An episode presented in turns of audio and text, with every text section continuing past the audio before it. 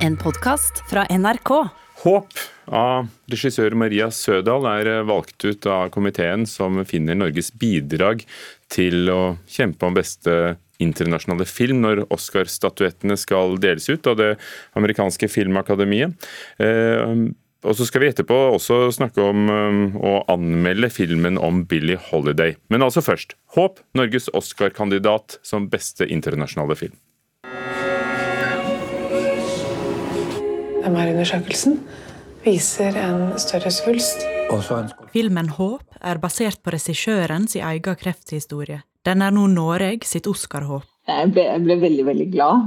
Og så ble jeg også veldig stolt på vegne av skuespillerne, faktisk. Altså Andrea Brein Hovig og Stellan. Fordi eh, det er jo deres film eh, på mange måter. Det er veldig gøy. For regissøren bak filmen, Maria Sødal, kan dette være starten på et Oscar-eventyr. Det er en veldig usentimental krefthistorie som er egentlig eh, en eh, litt annerledes kjærlighetshistorie. Filmene Håp, Selvportrett og Disko var alle kortlista til å være Norges Oscar-kandidat i kategorien Beste internasjonale film, og det er altså Håp som er med videre i kampen for å vinne Oscar. En film som regissøren egentlig ikke ønska å gjennomføre, men historia, den tvang seg på. Så jeg har jo selv hatt en diagnose hvor jeg fikk tremannsren å leve. Det er jo et tilbakeblikk på trygg avstand, sånn at historien er blitt personlig og ikke privat. Om hva som faktisk skjer med en når, når man vet at det er slutt. da.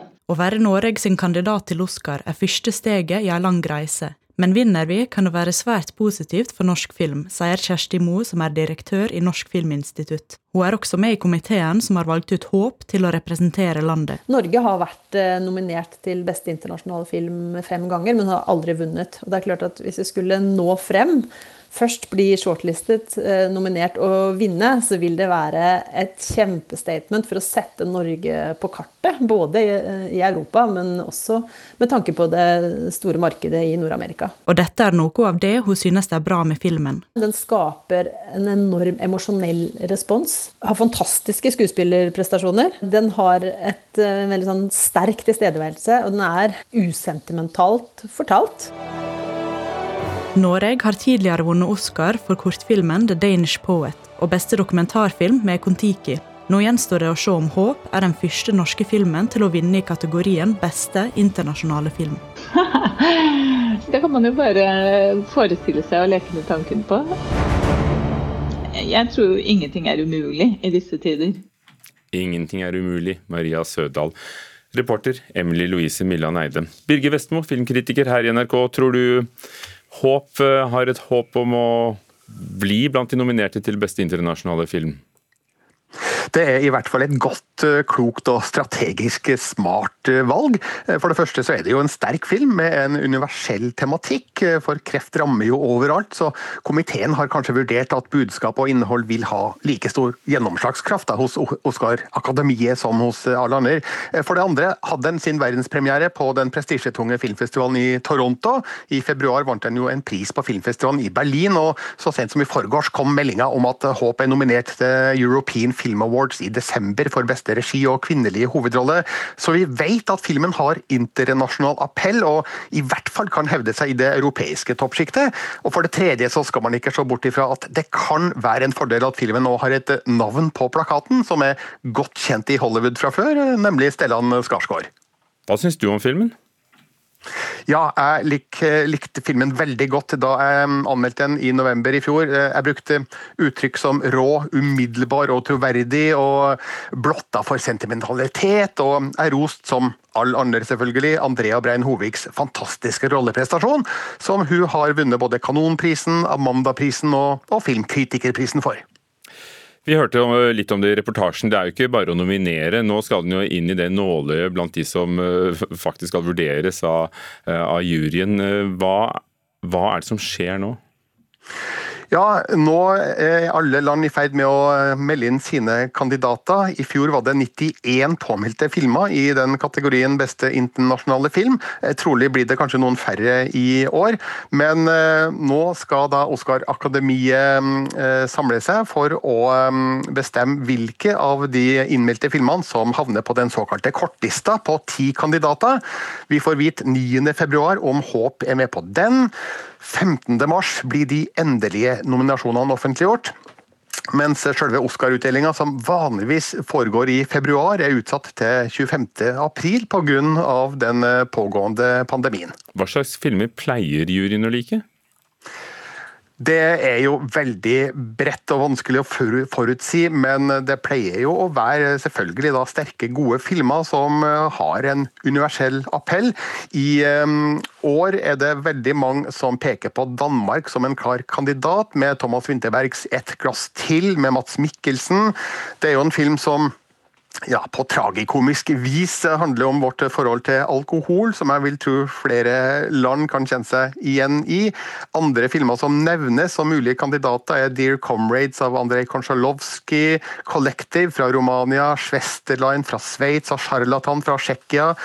Det, det, er vanskelig å peke på en fellesnevner ved de som blir eh, kandidater til en Oscar-pris for beste internasjonale film.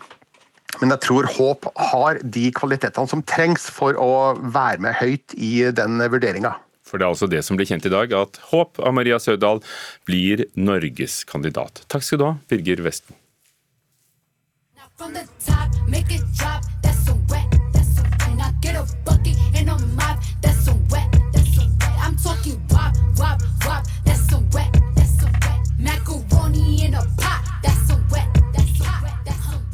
Ja, De som er på videodelingsappen TikTok, kjenner kanskje igjen denne låta, eller ganske sikkert.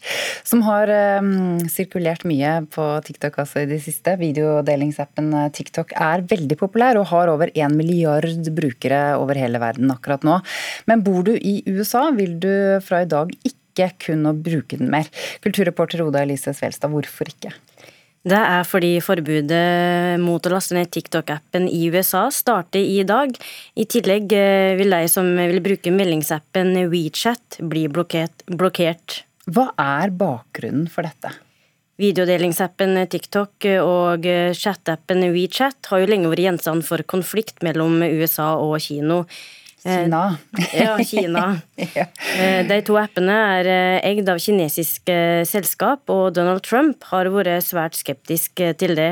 Han har bl.a. anklaga TikTok og Kina for å stjele data om amerikanske borgere og bruke dem til overvåking. Og handelsministeren i USA, Wilbur Ross, har tidligere sagt at de to appene utgjør en trussel for nasjonal sikkerhet. Derfor innførte de et forbud som blir gjeldende fra i dag. Hva har TikTok da sagt for å forsvare seg? TikTok har alltid nekta for skuldingene om at selskapet blir kontrollert av den kinesiske regjeringa, eller at de deler data med dem. Det har hele tida prøvd å myke opp forholdet med Trump. Trump har tidligere krevd at ByteDance, selskapet som, som eier TikTok, skal selge deler av virksomheten. Og det er noe TikTok har prøvd å imøtegå, men eh, det har ennå ikke blitt noe avtale mellom dem, og derfor er det nå innskrenking av bruken i USA. Hva slags konsekvenser får dette da? WeChat har, har, jo over 18 millioner amerikanske brukere, og blokkeringa som nå trer i kraft, vil bety at mange ikke får mulighet til å snakke med venner og familie. Videodelingstjenesten TikTok eh, har blitt lasta ned 175 millioner ganger i USA, og mer enn 1 milliard ganger over hele verden, som du sa innledningsvis. Og forbudet vil nå bety at eh, Altså, og Det er jo et populært samfunn som mange, eh, tar, eh, som mange, er en del av. og det Forbudet vil nå bety at eh, millioner av amerikanere ikke får ta del i det samfunnet. Og flere påvirkere har også gått over til andre sosiale medium pga. konflikten og den uvisa. Så hvis det er slik at påvirkere flykter, så kan det hende at også flere gjør det. Mm.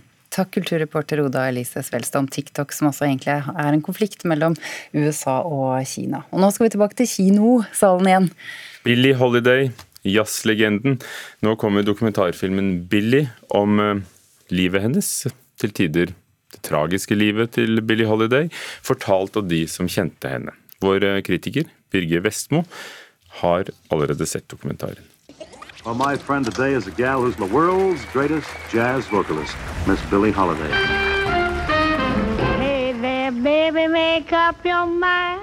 Cause I've been waiting such a long, long time. Billy kaster nytt lys over den legendariske sangeren Billie Holiday. Regissør James Erskine har gjort en formidabel jobb med å forme en dokumentarfilm rundt nesten 50 år gamle kassettopptak av intervjuer med de som kjente hun. Det her er en god og informativ skildring av hennes harde oppvekst i Philadelphia, gjennombruddet i New York, en karriere i sus, dus og rus, og hennes tidlige død i 1959, bare 44 år gammel. Heldigvis gjør Erskine ingen forsøk på å forskjønne Holidays historie. Filmen gjør det klart og tydelig hvilket enormt talent hun hadde, men også de menneskelige kostnadene og lidelsene som lå bak. I'd like to write something that is real, you know, really as she is. I saw the whole world in that face. All of the beauty and all of the misery. Dokumentaren er samtidig den tragiske historien om journalisten Linda Lipnack Cool, som ville skrive en bok med den sanne og usminka historien om Billie Holiday. Hun gjorde flere hundre timer med intervjuer, men ble funnet død på gata i New York i 1978, før arbeidet var fullført. Omstendigheter rundt dødsfallet blir dessverre hengende i lufta, men Erskine bruker Cools research og opptak for alt det er verdt. Hun hadde nemlig fått både barndomsvenner, sangere, musikere, halliker, agenter og elskere i tale, med førstehåndsskildringa av Billie Holiday på ulike stadier i livet. No vocalist ever went through what she went through. Det skapes et overbevisende inntrykk av at Billie Holiday var et produkt av traumatiske opplevelser, med både voldtekt, overfall, prostitusjon og tidlig lefling med alkohol og narkotika. Det påvirka trolig resten av hennes korte liv, og intervjuobjektene kaller hun både destruktiv, psykopat og masochist. Filmen er full av åpne, ærlige og fargerike beskrivelser av hennes ville festing, mangfoldige sexliv, voldelige forhold og uberegnelige utagering. Den argumenterer at Holiday kun uttrykker så intenst mye når hun sang, nettopp fordi hun hadde et så hardt og utfordrende liv. It was very bad back in those days. She was exposing discrimination, putting it on stage. All of her time was getting high. Holidays sterke historie er fortreffelig fortalt, der Cools interessante intervjuer illustreres med et imponerende tilfang av smakfullt presenterte filmklipp og bilder, mange av dem nydelig restaurert. Billy gir oss ny og verdifull innsikt og forståelse for en av jazzhistoriens beste stemmer. Here is a strange Billie Holiday sang only truth. and bitter. She knew nothing else. Terningkast fem.